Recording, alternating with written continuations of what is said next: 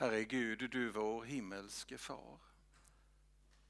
Tack för att du är här just nu. Du som är vår starkhet och vår lovsång och vår frälsning. Tack för att du är här för att möta oss, röra vid oss och förvandla oss. Så att vi blir allt mer lika dig. Herre, nu ber vi att du ska öppna ditt ord för oss. Och att du ska öppna våra hjärtan och våra sinnen. Så att vi kan se dig och höra dig.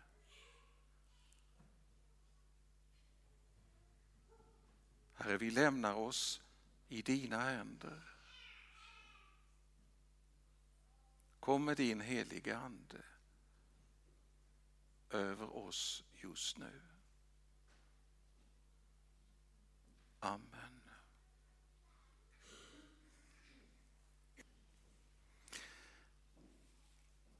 Omkring en halvtimmes väg från Jerusalem ligger Betania.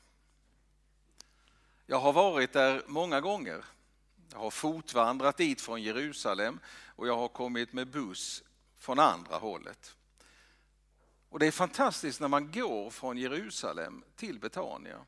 För då går man ner i Kidrondalen och så går man upp på Oljeberget och så går man runt om berget och så kommer man på andra sidan och där ligger Betania. Tar en och en halv timme eller någonting sånt där att promenera i lugn takt. När man kommer nerifrån Jeriko, alltså från andra hållet, så det första man ser, kanske inte idag för det har byggts mycket, men man såg på den tiden i alla fall. Det första man såg, det var husen i Betania. Då hade man gått genom Juda bergsbygd, oländig terräng och en ganska tradig väg och uppförsbacke hela vägen. Från 800 meter under havsnivå upp till ungefär 800 meter över havsnivå. Så kan ni själva räkna ut hur långt, hur mycket stigning det var. Uppförsbacke hela vägen. Jesus hade varit många gånger i Betania. Därför att i Betania bodde hans närmaste vänner. Marta, Maria och Lazarus. De var vänner till Jesus, det står på flera ställen i Nya Testamentet. Och att vara vän med Jesus har alltid varit någonting stort. Både på den tiden och i vår tid. Men en sak är viktig att säga när det gäller vänskapen med Jesus. Att den befriar inte oss från allt det i livet som är svårt. Vi lever, trots att vi är Jesu vänner, under samma realiteter som alla andra människor. Idag rör vi oss alltså i Johannesevangeliets elfte kapitel. Och eh, när Sofia och jag pratades vid i veckan om det här med texten så var vi helt överens om att egentligen så kan man inte göra som man har gjort i evangelieboken, plocka ut just den här textperikopen. Eh, man måste läsa hela Johannes 11. För att det är ett sammanhang alltihopa. Och det blir lite konstigt om man bara läser de verserna som är dagens evangelietext. Så jag skulle vilja ge dig ett gott tips. När du kommer hem idag Sätt dig och läs hela Johannes 11. Det är en otroligt fin läsning. När man läser Johannes 11 så är det i alla fall i min värld tre ord som dyker upp hela tiden. Tre ord som jag tycker sammanfattar texten väldigt bra. Och det första av de orden det är ordet varför. Jag menar, inget var ju naturligare när Lazarus blev sjuk än att Marta och Maria hörde av sig till Jesus. De ringde inte, för det kunde de ju naturligtvis inte, men de skickade bud till honom. Jesus var ju upptagen. Det visste man. Han hade mycket folk omkring sig, men så tänkte man så här, kan jag tänka mig. Det står inte i texten, men jag kan tänka mig det. Jag menar, när han hör att Lazarus är sjuk, en nära vän till honom, det är klart att han prioriterar det. För så skulle ju du och jag ha tänkt. Det är klart att Jesus prioriterar Lazarus. Jag menar, Jesus kunde ju inte vilja att Lazarus skulle vara sjuk. Och om vi nu tittar på det här sammanhanget så visst känner vi igen oss i det. När någon i vår närhet blir dålig, vad gör vi? Jo, vi ropar till Gud. Herre, kom och hjälp. Kom med ditt helande. Kom och rör vid den här personen som är sjuk. Eller om det handlar om oss själva. Herre, kom och hjälp mig. Rör vid mig. Och vi utgår ifrån att Gud verkligen vill det. Och därför kan vi också förstå den bestörtning och den sorg som Marta och Maria måste ha känt när Jesus inte kom. För han gjorde ju inte det. Jesus prioriterade ju inte Lazarus. Han lämnade ju inte det sammanhanget han stod i och kom till systrarna. Och så slutar hela sammanhanget med att man fick ordna begravning istället. Seden var sån att man hade ett dygn på sig att få kroppen i graven. Och därför var det ju brott. Och så begraver man Lazarus. Och så finns frågan där. Alltså, för mig andas den genom hela texten. Jesus, varför kom du inte? Varför? Vi ropar på dig, vi ber till dig, du är vår vän. Varför kom du inte? Bryr du dig inte om oss? Vi litar på dig och du sviker oss när vi behöver dig som allra bäst. Smärtans och rädslans och dödsångestens varför har genom alla tider och alla mänskliga sammanhang ropats upp till en himmel som är tyst. Varför Gud? Och många har gjort precis som systrarna. Stått och spanat. Och väntat och längtat och ropat och hoppats. Och in i det sista hållit fast vid det här. Kanske han kommer. Kanske han kommer i alla fall. Och så kommer den djupa sucken. Han kom inte. Vi fick inget svar på våra böner. Och så står man där med frågan varför? Varför kom inte Jesus? Får vi något svar i den här texten? Ja, läser man hela Johannes 11 så får man faktiskt ett svar. Det var inte för att han inte brydde sig som han inte kom. Han väntade med att komma. Därför att det fanns en bakomliggande anledning.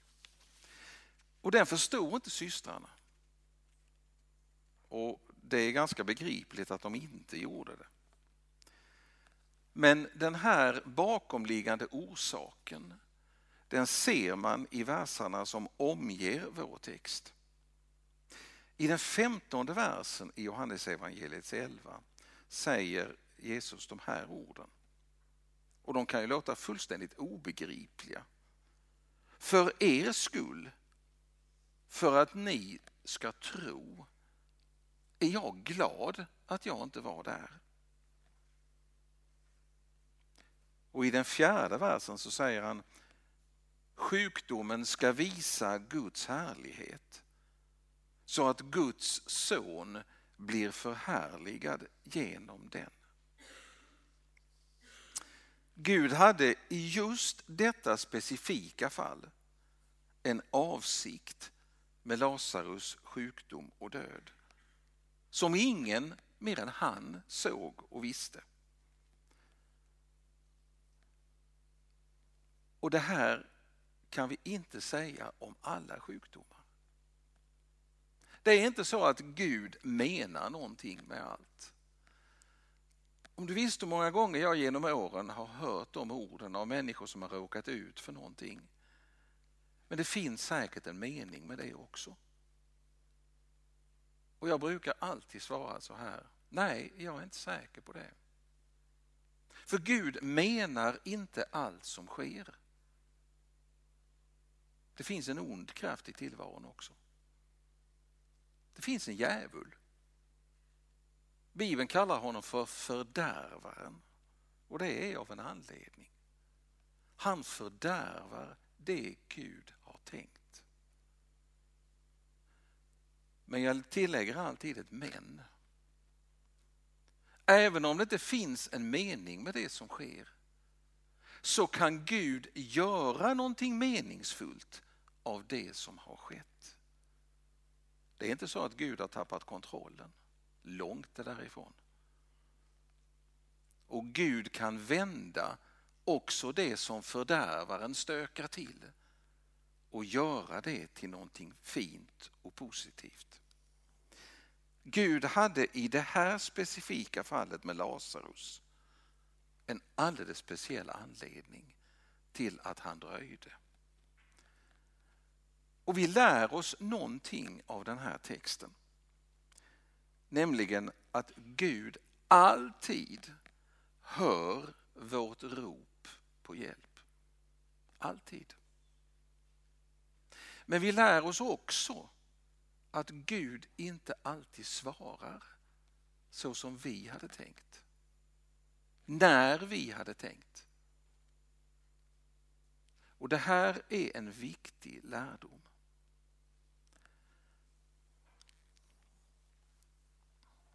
Varför ingrep han inte och helade Lazarus? Varför ingrep han inte och helar när vi ber för människor? Ibland gör han det, men långt ifrån alltid. Varför gör han inte det? Vill han inte att människor ska bli friska? Vill han inte svara på bön? Jo, på båda frågorna. Men Gud har en tidsplan. Och den vet bara han. Och du och jag måste böja oss för att han är suverän.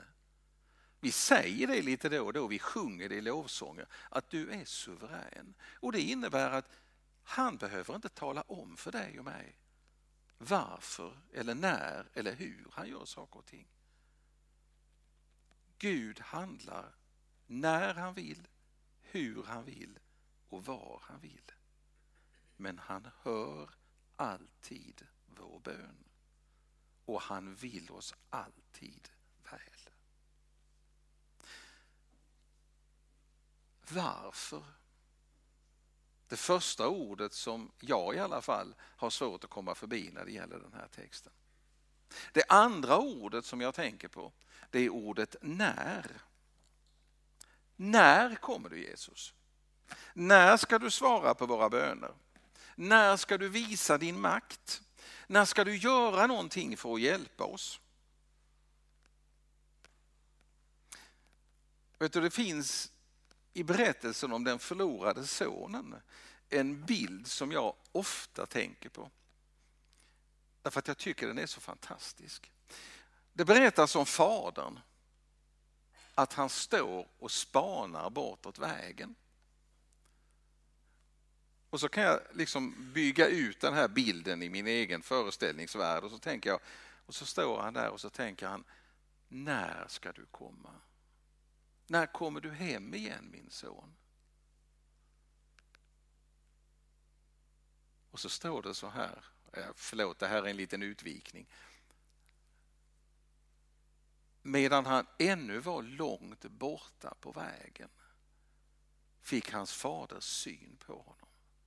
Sprang honom till mötes, föll honom om halsen och sa Välkommen hem min son. Hur kunde fadern få se honom när han var långt borta på vägen? Jo, därför att han stod och tittade. Tänk, jag undrar om han kommer. Kan du se bilden? På samma sätt ser jag framför mig Marta och Maria. De kanske turades om för en av dem satt säkert hos Lazarus. Och så gick de ut och så tittade de. Kommer han? Nu är det en dag som vi skickade bud. Kommer han idag? Och så kommer inte Jesus.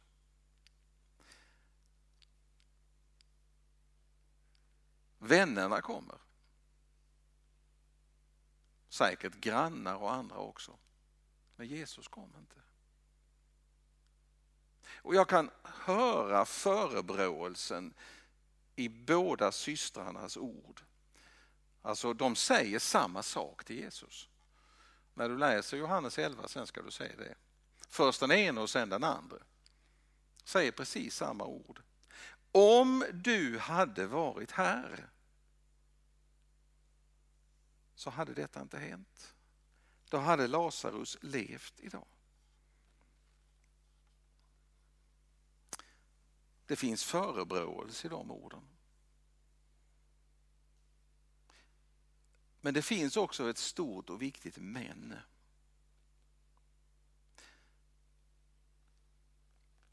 Systrarna var ju lite olika. Det vet vi av andra berättelser om dem. Och Marta var väl kanske den som, när man läser texterna, ändå verkar vara den som på något sätt hade tagit Jesus allra mest till sitt hjärta. Jag vet inte riktigt om det är sant, men, men jag tänker så. Och hon hade på något sätt kommit väldigt, väldigt nära Jesus. Och nu visade det sig hur viktigt det var.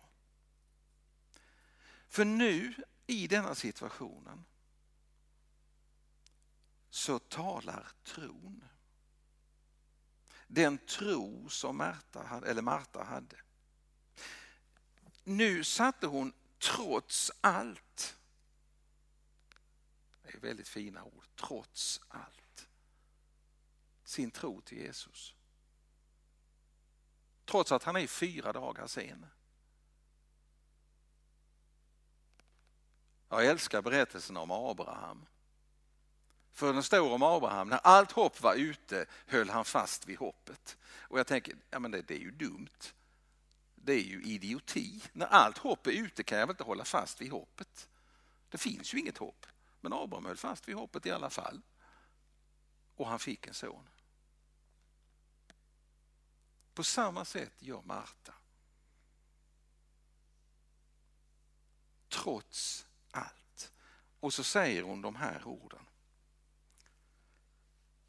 Men jag vet ändå att allt vad du ber Gud om, det ska han ge dig. Ser du den trotsiga tron som talar? Tron som kände Jesus så väl att den kunde inte acceptera att han inte skulle ha brytt sig. Att han inte skulle komma och göra någonting. Det är den tron som Marta har. Den tron som trots att allting såg omöjligt ut ändå höll fast vid tron. Och inför den tron så handlar Jesus. Och här finns en liten detalj som är viktig att lägga märke till. Och det står så här. Och han lyfte blicken mot himmelen. Har du tänkt på hur vi gör väldigt ofta? vi tittar neråt. Nu ska vi ta i ordentligt, nu ska vi göra någonting och då borrar vi ner huvudet och blicken i marken. Jesus tittar inte ner på de mänskliga begränsningarna utan han tittar upp på sin himmelske far. Och så säger han, Gud, vad har du för möjligheter i det här? Och han vet att de är obegränsade. Gud har inga begränsningar. Och det är det Jesus ser när han tittar uppåt.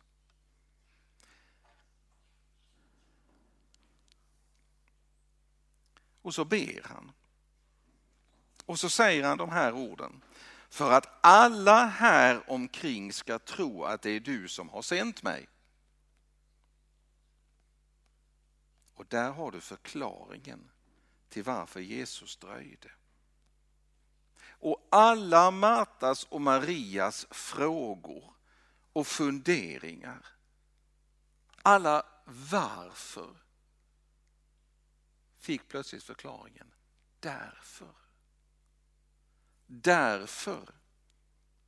Och därmed är vi framme vid det tredje ordet. Johannes skriver så här. Därför har detta blivit nedskrivet för att ni ska tro att Jesus är Messias, Guds son. Och för att ni genom en sån tro ska ha liv genom honom. Därför kunde Jesus uppväcka Lazarus. Därför att Jesus bär det namn som är över alla andra namn. Vad är det för namn? Jo, Det är ju Guds namnet. Det namnet som Gud uppenbarar för Mose. Jag är. Det är omöjligt att utlägga det namnet. Jag vet inte hur man skulle bära sig åt. Jag har faktiskt försökt några gånger men det, det, det går inte. Det namnet är själva existensen, själva livet. Jag är. Och det är det namnet som Jesus bär. Och det är med det namnet bakom sig som han säger till Lazarus, Lazarus kom ut. Vet du, när jag satt och förberedde mig så skrev jag en liten grej på ett papper. Jag brukar sitta och skriva ner tankar jag får när jag läser texterna. Och, och en av de tankarna jag skrev var så här. Vad tänkte Lazarus när Jesus ropade? Jag tycker det är en väldigt intressant fråga. Jag har inte kommit på något svar. Men, men bara känslan, vad tänkte han? Han hade legat i graven i tre dygn. Och så plötsligt ropar han, han hade börjat lukta också. Och så plötsligt ropar Jesus, Lazarus kom ut. Vad tänkte Lazarus? Är det någon av er som har läst eh, någonting av eh, Lars Kolmar? Det finns en underbar betraktelse över just den här texten. Jag har inte läst den faktiskt inför den här söndagen, men jag har skrattat så gott åt den många gånger. För Lars Kolmar, han skriver om Lazarusberättelsen utifrån ett perspektiv som varken du eller jag har. Eller jag tror inte ens vi skulle komma, kunna komma på tanken. Han skriver det utifrån eh, perspektivet av en gam som sitter i ett träd utanför Lazarus grav. Och gamen, han pratar om det här och så kommer han och fördärvar alltihopa. Hela måltiden och det luktade så gott. Och Jag tycker det är underbart att kunna få leka så med en sån här text som är så jobbig och svår egentligen. Och Lars Kollmar är fantastisk på det. Den står i en av hans böcker där han har betraktelser för ungdomar. Gamen utanför Lazarus grav.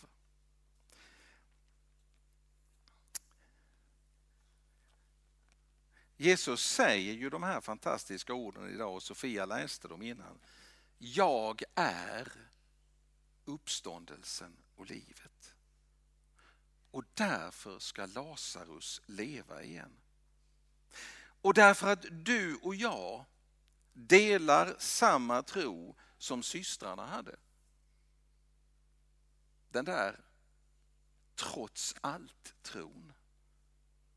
Så kan vi bekänna, så som vi har gjort här i vår gudstjänst redan. Vi tror på de dödas uppståndelse och vi tror på ett evigt liv.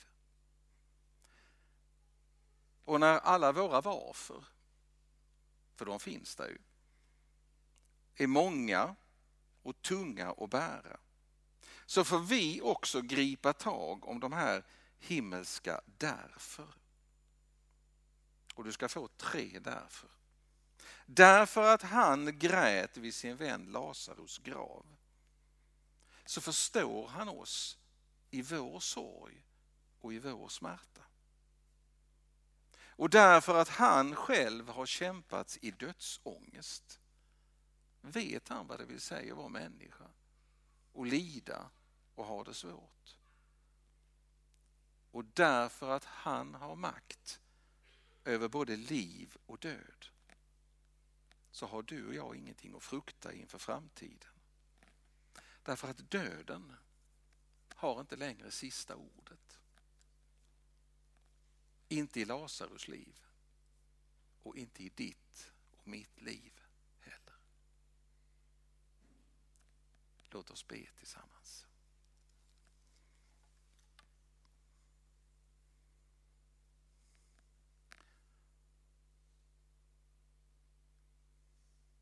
Herre, ge oss av den tro som kan säga trots allt litar vi på dig.